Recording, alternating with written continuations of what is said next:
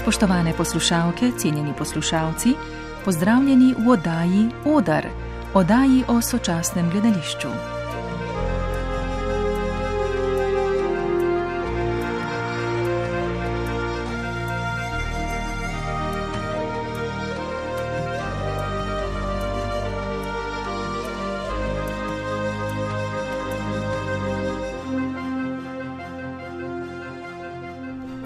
Nedavna razkritja spolnih in psihičnih zlorab v gledališču in izobraževanju, ki so vstopila tudi v prostor javne refleksije, so pomemben korak k kolektivnemu ozaveščanju o tej akutni problematiki.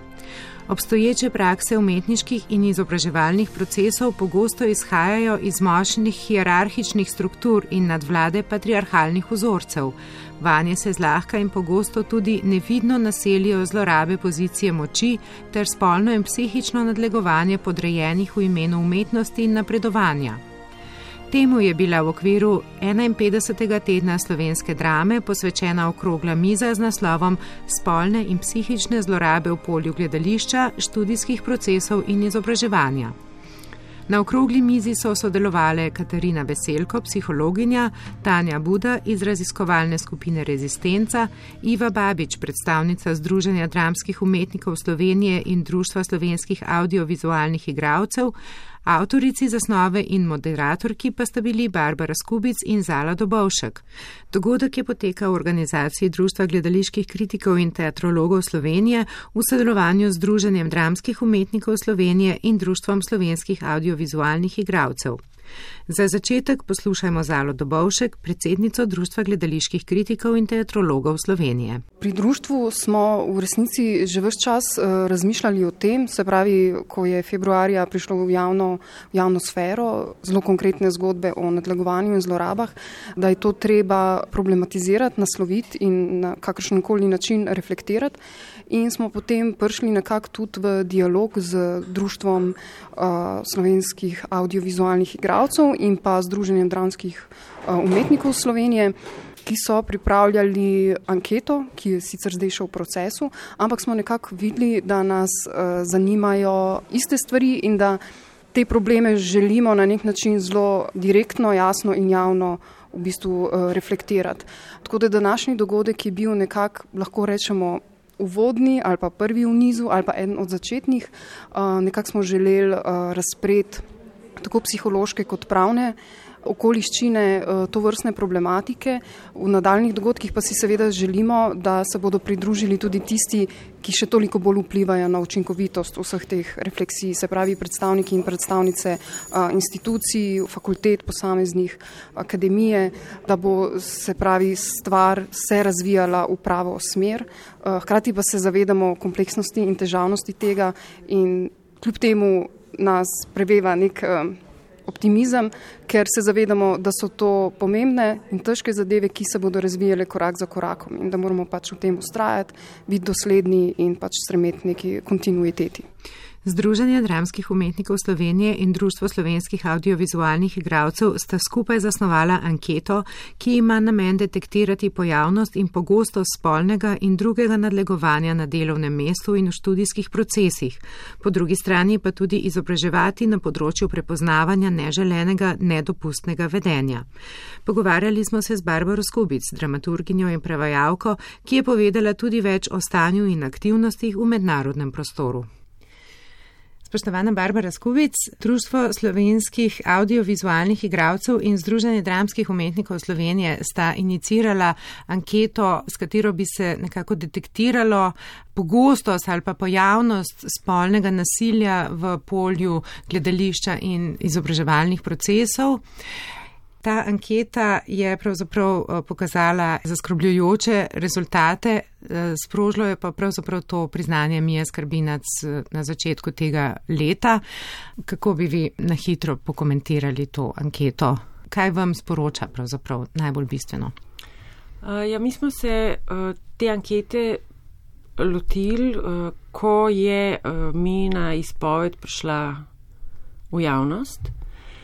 In sicer zato, ker mi vsi vemo, da se spolno nadlegovanje, ne gre samo za spolno nasilje, gre tudi za spolno nadlegovanje, pa tudi v bistvu nadlegovanja ki mogoče jih je težko kvalificirati kot spolno, ampak nekako prispevajo k neprijetnemu vzdušju, ki um, nekatere naše kolege zelo, zelo omejuje.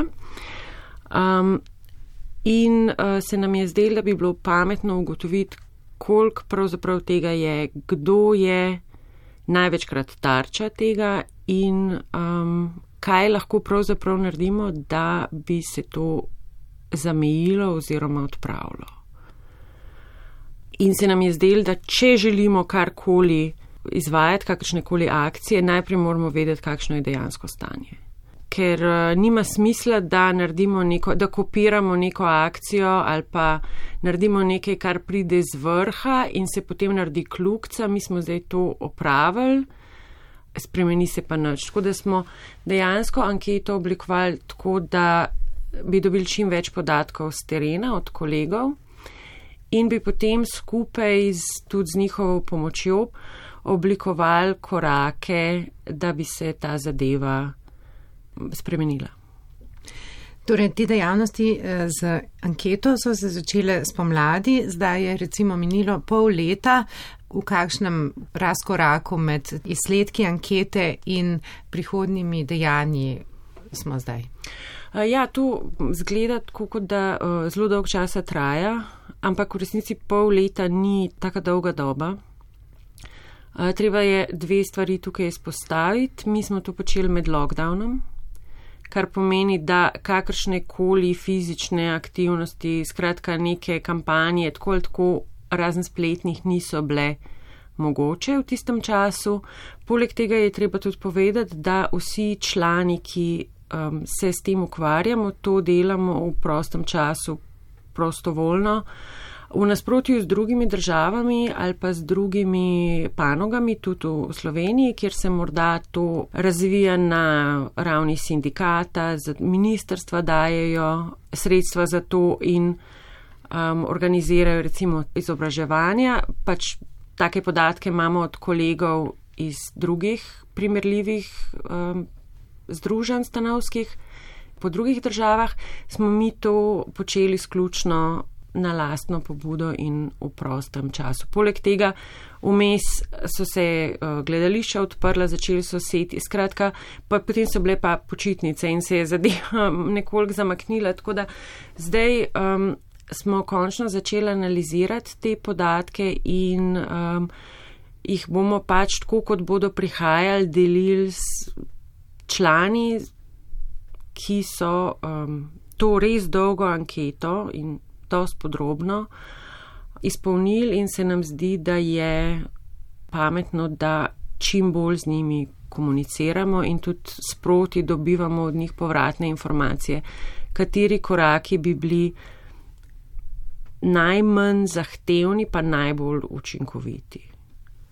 Odziv na anketo je bil res velik, pa lahko morda med temi odzivi prepoznate to, kar ste zdaj omenili, torej kateri koraki bi bili nekako za izvest v prihodnosti. Torej, anketa je bila sestavljena tako, da so ljudje odgovarjali, oziroma ta izbirna vprašanja, da si pač odklukal možnosti, bila so pa tudi vprašanja, na katera so si lahko odgovarjal. In v tistih vprašanjih so nam ljudje dali um, predloge ali pa povedali mnenje, kaj bi se njim zdel um, zelo pomembno. Prva stvar, ki se je pokazala, je bila, da se članom oziroma tistim, ki so izpolnili anketo, zdi zelo pomembno, da se o tem sploh govori. Ker uh, nekako smo imeli tudi mi, ko smo se pogovarjali o anketi in ko smo jo sestavljali, imeli občutek, da eden od problemov in ena od okoliščin, ki omogoča, da se zadeva nadaljuje iz generacije v generacijo, je ta, da vsak človek, ki se mu to dogaja, misli, da je edini ali pa skratka, da si je sam kriv to. Ne? Ko pa enkrat pogledaš širšo sliko, recimo odgovore na anketo, pa vidiš, da to je sistemski problem. Ampak ker ni nihče o njem govoril kot o sistemskem problemu, ampak kot o ekscesih, potem se zadeva ni um, nekako premaknila. Tako da prva stvar, ki se je pokazala uh, v tej anketi, je, da si ljudje želijo, da se o tem dejansko več govori. Druga stvar je, da um, veliko ljudi kakšnih oblik vedenja ni prepoznala kot spolno nadlegovanje, preprosto zato, ker so tako pogosta, um, oblike so tako pogoste, da jih kratko malo upišemo v folkloro ali kaj tazga. In ja, že mogoče je, da če uh, se vam enkrat zgodi, da vam nekdo lase popravlja ali pa kaj tazga, uh, potem to ne pozabite, se vam ne zdi nič posebnega, ampak če se pa to dogaja neprestano v kombinaciji z drugimi. Um, Tako malimi uh, dejanji, pa ustvarja neko občutje nelagodja, ni prijetno delati, težko se človek odpre, mi pa pri svojem delu težko se ne odpremo. Tako da čisti iz kreativnega stališča je to um, problematično. Uh, se pravi, to izobraževanje, uh, potem pa seveda vse te, da za, presta, za uh, storilce, ne, je treba imeti neke uh, postopke, ki um, jih bodo vsaj za nekaj časa odstranili od, rečemo, tem položaja, kjer lahko to izvajajo. Ker dost jasno se je izkazalo tudi, da gre za zlorabo moči. Ne, ne gre za to, da se nekdo ne bi mogel kontrolirati, ker je ne. Gre kratko malo za to, da nekdo spolno nadleguje drugo osebo ali pa psihološko maltretira ali pa ne, se to so šikaniranja, bullying, to vse spada v isto kategorijo ali pa zelo podobno. To delajo ljudje z pozicije moči. Tako. Ena izmed vaših dejavnosti je tudi spletna stran na uh, spletnem portalu uh, Društva slovenskih audiovizualnih igralcev in ta spletna stran odpira to polje varnega. Ne? Uh, ja, mi smo pač dve stvari, da se nam zdeli pomembni, ko smo se lotili tega dela. Prvič, da kolegom, kolegicam, predvsem se je izkazalo seveda, da so to v večini kolegice, uh, ki ta hip doživljajo nasilje ali pa nadlegovanje, omogočimo, da se na nekoga obrnejo. To je pač mogoče na dva načina, oba sta navedena na, na spletni strani. In sicer tiste, ki želijo, želijo stati popolnoma anonimne, lahko to uh, naredijo prek enega od društev, ki se ukvarja s pomočjo tem, ki doživljajo spolno nasilje. Uh, tisti ali tiste, ki se pa so pripravljeni vsaj malenkost identificirati, pa pač to lahko storijo tudi prek zaupnikov obeh društev, ki jih bodo usmerili na ustrezne strokovnjake, se pravi, če potrebuje psihološko pomoč ali pa pravno pomoč. To se nam je zdelo nujno, ker če tega ne bi vzpostavili, potem bi pač samo govorili. Ne. To je treba, to je treba smo pač rajš nekaj naredili. Ne? In zdaj mi upamo, da vsi tisti, ki bodo pomoč potrebovali, se bodo na nas lahko tudi obrnili. Za člane obeh društev imamo tudi ustanovljen poseben fond, tako da če so finance problem pri dostopu do pomoči, za naše člane mi lahko to do neke mere kompenziramo.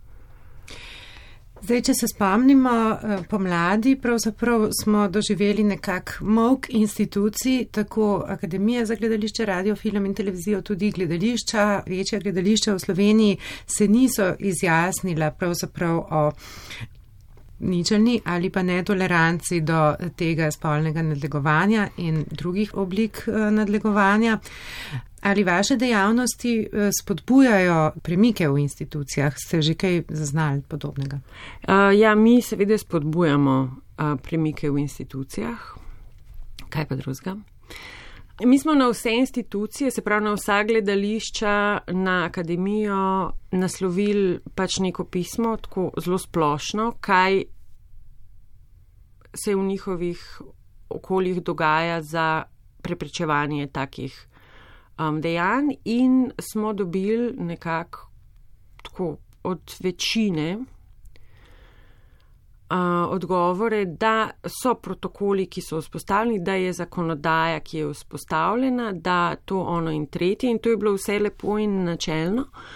Um, zdaj, kaj, kako to dejansko zgleda na terenu, pa ne, ne, nekako ne vemo. S tem se še nismo imeli priložnosti ukvarjati. Lahko pač povem, da eno od gledališč nam je dalo zelo natančen odgovor in tudi kakšni bodo njihovi naslednji koraki. To je mladinsko. Um, smo, zlo, smo bili tega zelo veseli, ker se nam je zdelo, da bolj natančno kot ljudje specificirajo, kaj se bo dogajalo, več je možnosti, da se zadeve obrnejo na bolje. Um, ja, večina drugih pa je dala neke odgovore v okviru obstoječe zakonodaje, ki je kakršna je, mogoče lahko potem še o tem kaj rečeva ali pa nič. Prej ste pa omenili tudi dogajanje po svetu, se pravi v različnih drugih organizacijah, v mednarodnem prostoru, sindikatih, tudi eh, o tem ste predvsej dobro obveščeni, pa bi vas prosila, če še o tem poveste kakšno besedo. Ja, mi seveda nismo uh, edina država, ki ima to težavo, kot vemo. Uh, tako da kampanje se vodijo po različnih državah, različnih sindikati in združenja jih, jih oblikujejo. Tista, ki se je nam zdela za nas posebej koristna ali uh, se nam je zdela, da bi si z njo lahko pomagali, je bila uh, akcija britanskega sindikata Equity z naslovom Safe Spaces ja, pravzaprav vsi imamo nekako enake, se z enakimi težavami soočamo.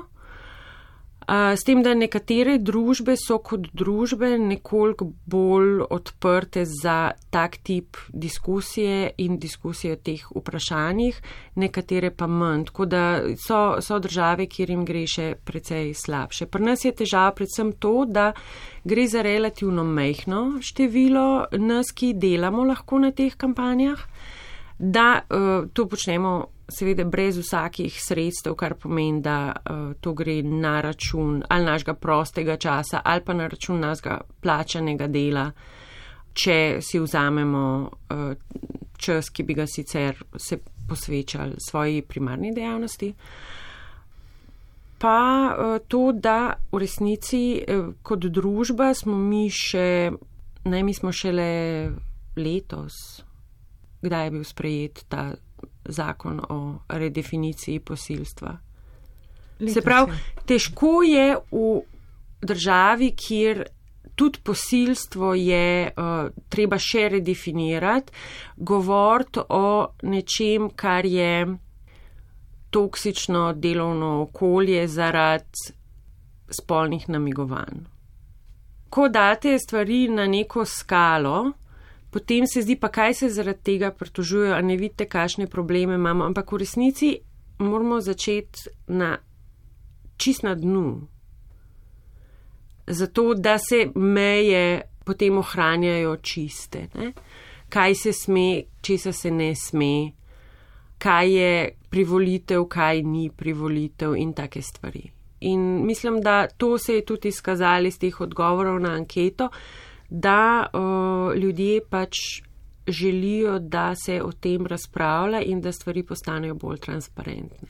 Tako da mi začenjamo z novo sezono, a ne začenjamo na tem, čemu se reče v angleščini grassroots level, ker drugače ne bo šlo. Ne? Podobno ste pa poimenovali tudi vašo dejavnost z naslovom Z nami se neha. Ne. Ja, mi smo se pač tega, tega slogana, ključnika, uh, dom, domislili, zato ker uh, mi smo vsi bili socializirani v to okolje. Vsak od nas, ki delamo v gledališču ali na AV področju več let ali več desetletij, je doživel vsaj eno obliko tega nadlegovanja. Nekateri napad, nekateri pač različne, različne stvari. Ne? Ampak eh, to, da smo mi to prenesli, zato ker je bil del kulture ali pa celo nek inicijacijski obred, ne, zdaj pa ok, zdaj si to prenesla, zdaj boš imela mir. To ne pomeni, da morajo drugi tudi to prenašati. Ja, mi smo šli skozi to, ampak tukaj naredimo konc. z nami se neha. Opozorili ste pa tudi na to, da v teh obravnavah sistemskih niso v enakopravnem položaju zaposlene osebe ali pa samo zaposleni. Ja, to izhaja iz delovne zakonodaje in to smo tudi um, opazili, ko so nam gledališče in druge inštitucije odgovarjali. Oni imajo protokole vzpostavljene, ampak samo za zaposlene delavce. Kar seveda je velik problem v okolju, kot je gledališče in AV produkcija, zato ker večina ljudi, in zdaj po pandemiji se je zadeva še bolj spremenila, je um, pogodbenih sodelavcev, ki jih te, ta zakonodaja ne pokriva ali pa se je zelo lahko izmuzeti in reči, to je samo za zaposlene, kar pomeni, da ni bilo. Ne, zdaj, tukaj zelo, zelo velike navednice delam o zrak. Ni bilo razlogov, da bi se sodelavce, ki so povzročali nasilje ali pa ki so ga trpeli, da bi se z njimi sploh ukvarjalo, če niso bili polno zaposleni pri inštituciji. Nekateri seveda to so delali, večina pa ne. Zato, ker ne, lažje se je ne ukvarjati, kot biti tisti, ki non-stop povzroča neke težave. Društvi, ki sta sprožili pobudo za anketo, sta k sodelovanju povabili psihologinjo Katarino Veselko. Anketo je formalno pripravila in tudi analizira rezultate. Delna analiza je do danes že opravljena. Več o tem pa je Katarina Veselko povedala. Ja, v anketi smo poskušali zajeti različna vedenja, različne oblike spolnega nadlegovanja, tudi zato, da ljudje ozavestijo, kaj vse to zajema, kaj vse ta nadlegovanja so, od nekih blažjih oblik, ki jih pogosto imamo za socialno sprejemljiva, v smislu neželenih dotikov, objemov, nekih navidezno naključnih dotikov, pa vse do kaznjivih dejanj spolnega nasilja, posilstva, poskusa posilstva. Udeleženci raziskave so odgovarjali, v bistvu so, se je pokazalo, da je velik del udeležencev že doživel neko obliko spolnega nasilja in ključno se je takoj pokazala tudi razlika med spoloma. Skor 80 odstotkov žensk je že doživelo neko obliko spolnega nasilja v okviru izvajanja poklica. In uh, neko obliko spolnega nasilja je doživelo tudi 39 odstotkov moških. Skratka, neka razlika med spoloma je takoj očitna. Druga razlika, ki se takoj pokaže, so statusne razlike, ne, da več nadlegujejo osebe, ki so bodi si formalno nadrejene ali pa imajo socialno pomembnejšo socialno moč, eh, pomembnejšo vlogo, so bolj priljubljene v družbi in da so bolj nadlegovane običajno osebe tiste, ki so uh, mlajše, manj izkušene ali pa podrejene. Tako da ta razmerja moči so se tudi zelo jasno pokazala potem od teh izsledkov je meni bilo zelo zanimivo ugotoviti tudi to, da je precejšen delež udeležencev raziskave tudi izjavil, da so sami tudi že kdaj izvajali neka ta vedenja in da se jim to ne zdi problematično. To je reklo kar 40 odstotkov vprašanih, ne? kar kaže na to, da je spolno nadlegovanje, sploh v nekih teh blažjih oblikah, preprosto del naše kulture in da se tega niti ne naslavlja, ne naslavlja niti ne zaznava kot problematično. Se pravi, je poleg detektiranja stanja eh, namen ankete tudi ozaveščanje in uh, izobraževanje, informiranje, katera vedenja sploh ta bolj subtilna, kot je povedala uh, gospa Buda, ki jih sploh ne prepoznavamo kot nasilna? Ja, ta so bila tudi najbolj prevalentna. Ne? Največ je bilo seveda takih, kar 44 eh, odstotkov ljudi je recimo že doživelo neke neželene dotike, ki so bili, vem, objem čez rame ali pa um, popravljanje obleke, neke take stvari, ki so subtilne oblike spolnega nadlegovanja in to je res nenaslovljeno. Hkrati pa smo vprašanje postavljali na dva različna načina. Ne? Eno vprašanje je bilo tako stvarno, a ste doživeli te oblike vedenja, drugo vprašanje smo pa tudi postavili, če so pripravljeni deliti ljudje neko izkušnjo nadlegovanja, ki so ga doživeli in mnogi so bili tudi pripravljeni to izkušnjo deliti. In tudi v teh izkušnjah, ki so jih ljudje delili, je celoten spektr, od tega, da so uh, osebe doživljale recimo ponavljajoče poniževalne nadimke uh, v smislu mucice, ljubice, kar je neprimerno izražanje v delovnem procesu, do tega, da so bili recimo poskusi spolnega napada in potem, ko se je oseba uprla neke grožnje, kako ne bo mogla več delati in, in podobno. Ne? Tako da je res celoten spektr zajet in na dva različna načina smo ugotavljali to. Na kakšen način pa anketa zajema to področje prijav in uh, sankcioniranja? Mi smo spraševali tudi o tem, ali so prijavili dejanje uh, in če ga niso prijavili, zakaj ga niso prijavili in če so ga prijavili, kaj se je potem zgodilo. O tem, kaj se zgodi, če prijavijo, imamo zelo malo podatkov, ker je prijavljeno bilo od vseh teh dejanj, je ena sama oseba v anketi nakazala, da je dejanje prijavila. Večina vprašanih je pa podala nek razlog, zakaj dejanja niso prijavili. Najpogostejši razlog, ki so ga navajali, je bil ta, da ne želijo biti zaznani kot problematični, da se bojijo izgube dela ali pa izgube dela na projektu, da ima oseba, ki je nadlegovala, pomemben status in da zaradi tega si niso upali prijaviti. Tako različni razlogi so ampak vsi pa potrujejo temu, da na koncu se te prijave ne zgodijo. Zaključili ste pa pravzaprav svojo misel eh, s, s to trditvijo, da pogum je nalezljiv. Ja, pogum je nalezljiv v tem smislu, da vsakokrat, ko se nekdo izpostavi, vsakeč, ko nekdo pokaže to uh, ranljivost in je pripravljen tvegati, s tem da dovoljenje drugim da se na podoben način oprejo, da se na podoben način izpostavijo. In vsakeč, ko se ena oseba ali upre spolnemu nadlegovanju, ki ga doživlja, ali pa se priča izpostavi in reče, hej, to, kar se ravno kar dogaja, ni v redu in nekako pokliče storilca k odgovornosti, je to dejanje poguma, ki sproži nov val, ki da misliti vsem ostalim, wow, a to se lahko naredi, a to lahko res rečem, a jaz lahko rečem ne.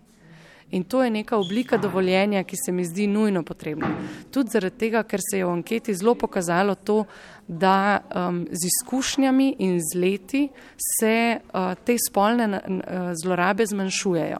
Deloma seveda zaradi tega, ker preprosto je starost pomemben faktor tukaj, da so mlade ženske bolj izpostavljene spolnemu nadlegovanju kot druge skupine. Drug razlog je pa tudi ta, da preprosto, ko narašča neka naša stabilnost v vlogi, narašča tudi ta pogum, da se izpostavimo, da rečemo ne, in ta pogum hkrati narašča tudi z našo tako psihološko, kot tudi ekonomsko varnostjo. Kako stanje vidi od znotraj, kakšne so možne rešitve in nekatere kritične pomisleke, je z nami delila igralka Iva Babič. Spoštovana Iva Babič, morda bi šli kar na eno uh, trditev, oziroma ne bom rekla lepo željo, ampak pravzaprav uh, neko vizijo prihodnosti. Govorili ste o tem, da se moramo dogovoriti, da bomo spoštovali meje drugega in da to ne bo vodilo v neko pretirano sanitizacijo eh, gledališke umetnosti ali pa um-, umetniških procesov nasploh. Ja, večkrat se eh, pojavlja bojazen, da bi neka pravila normalnega vedenja med ljudmi negativno vplivala na eh, sočnost, eh, živost gledališča oziroma predstav. Mislim, da je to bojazen, ki ni utemeljena. Mislim, da če se ljudje počutijo varno, če delajo v varnih delovnih pogojih na vseh nivojih, ne samo kar se tiče spolnega nadlegovanja, ampak tudi pač nekih varnih zaposlitev, uh, urejenih, uh, bolniških in podobno za samo zaposlene, ne, da so lahko veliko bolj kreativni. Mislim, da je treba uh, ustvariti varno delovne okolje, kjer je vsak lahko postavi svoje meje in se te meje upoštevajo, ne preizprašujejo, razen če jih ne preizprašuješ ti kot ustvarjalec sam in spoštujejo in da zaradi tega ne trpiš nobenih negativnih posledic. Mislim, da je to nujno za katerikoli poklic, še posebej pa za kreativni poklic, ko v bistvu brskaš po svoji intimi, po ranah, tako svojih kot ranah družbe. In mislim, da to lahko nam omogoča boljše in sočnejše gledališče. Zelo kritični ste tudi do okoliščin, ki so po tem priznanju Mija Skrbinac, da ni bilo pravzaprav nobenega pravega, relevantnega, v neko boljšo prihodnost naravnanega odziva tako strani akademije kot posameznikov. Širšega diskurza v družbi nekako ni bilo. Pričakovala sem, da bo cela Srenja izkoristila to priložnost, eh, ko je razkritje premaknilo nek težek voz mičke naprej, da bomo odprli platformo, kjer se bomo začeli pogovarjati o tem, kaj si želimo in kako si predstavljamo, da lahko delamo bolje.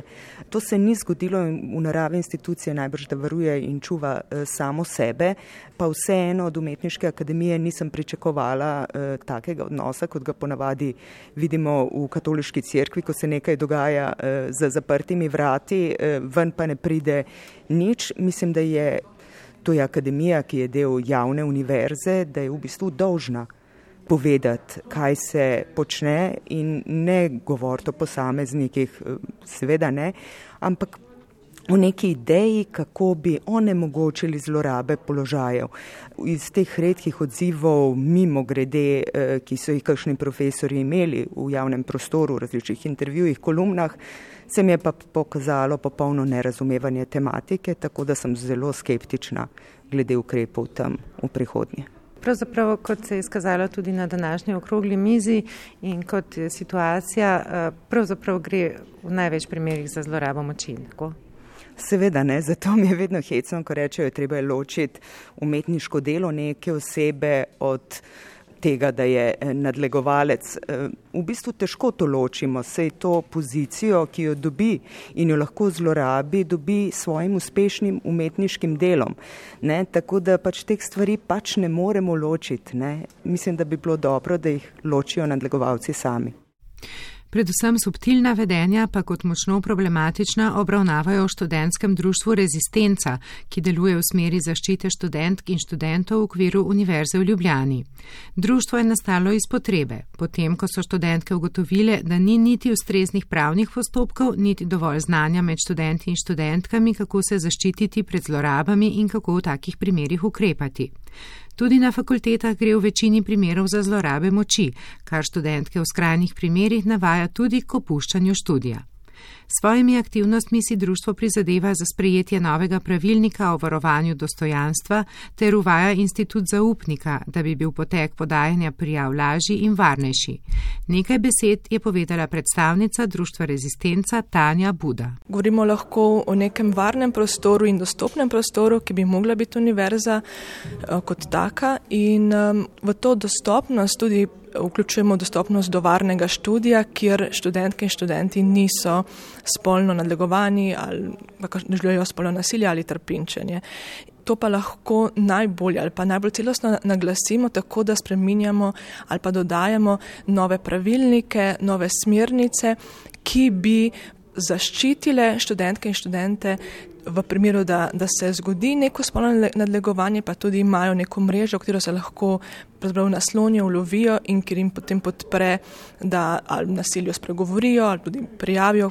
To potem je kako se vsak primer po svoje razvija. Ampak ključno je, da se študentkam in študentom vzpostavi varen prostor, ki tudi omogoča potem eh, študij.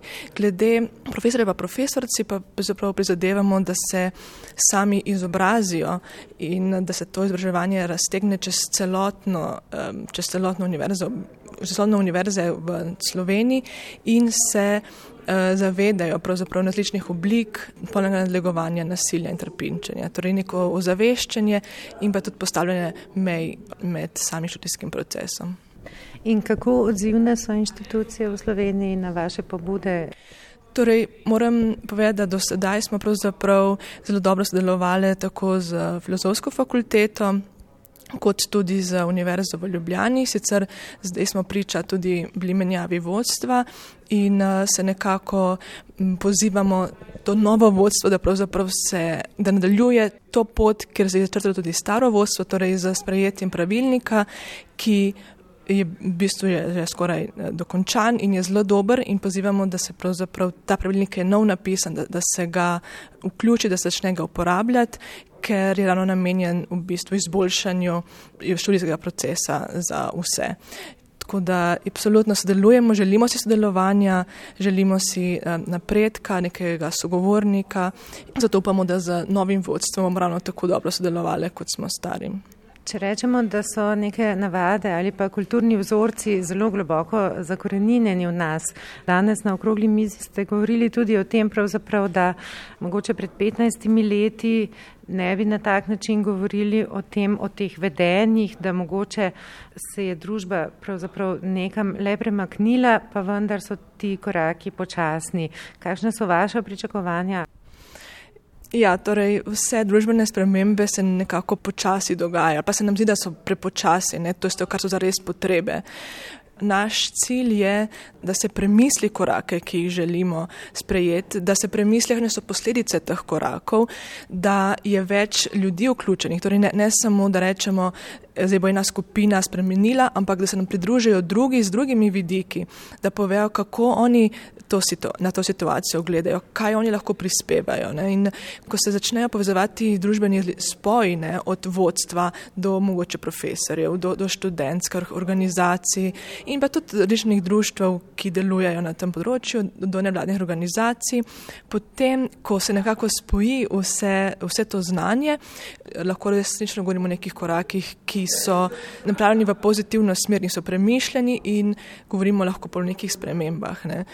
Kot sem rekla, spremembe se dogajajo tako hitro, kot bi se mi želeli, pa vendar se dogajajo in so tukaj in um, tudi, če mogoče trenutnem situaciji je tako, da so se te teme mal potihalne, mi nismo, ne. torej želimo še naprej na to pozarjati in bomo tudi na tem mestu stali, torej da se vse inštitucije zavežejo k nižni toleranci do nasilja in da se vzpostavi res ta varen prostor za študij. Pravzaprav ne gre vedno za neke skrajne oblike nasilja ali pa nadlegovanja in tudi eh, ne vedno tako očitnega, ampak zanimivo ste izpostavili posledice ali da se študentke izogibajo ali da eh, opustijo študij. Ja, torej govorila sem o strategijah ki jih študentke razvijajo, da se izognejo neki obliki spolnega nadlegovanja. Torej, lahko se govorimo o subtilnih oblikah, naprimer to, da jih profesor vse čas um, izpostavlja pri uri, pri pouku in potem recimo se, se študentka iz prve vrste premakne v, v zadnjo in s tem postane nekoliko bolj ne, nevidna, v enem tudi manj glasna in če lahko rečemo na rekovajih manj problematična. Ne. Tako da to so neke strategije, kjer se skušajo študentke zaščititi, da ne doživljajo ponovnega nadlegovanja. Potem govorimo o tem, da ko pravijo študentke v kabinet ali profesor ali profesoric, tudi tam se lahko ali pa je zelo velika večja možnost, torej ko je ena na eno, ko je tudi študentka izolirana od ostale skupine, da pride do nekakšnega nasilja ali negovanja. In takrat recimo študentka reče, nikoli več ne bom šla v ta kabinet ali pa bom, to je, to je bil moj mentor za diplomo magistersko, ga bom zamenjala za, za drugega.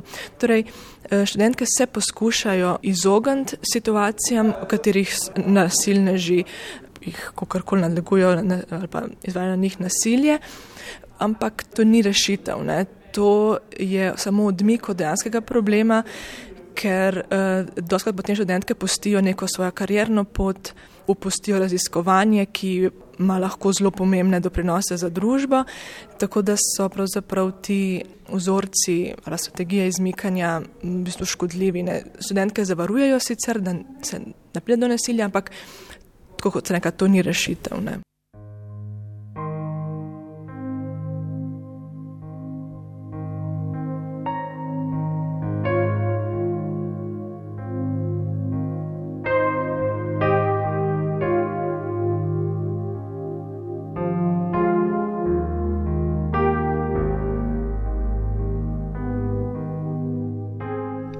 Poslušali ste Odr, oddajo o sočasnem gledališču. Pričevanja in razmišljanja z okrogle mize 51. tedna slovenske drame na temo spolne in psihične zlorabe v polju gledališča, študijskih procesov in izobraževanja sem zbrala Petra Tanko. Oddajo je zvočno oblikoval Robi Markoč. Lepo vas pozdravljava in želiva lep dan še naprej.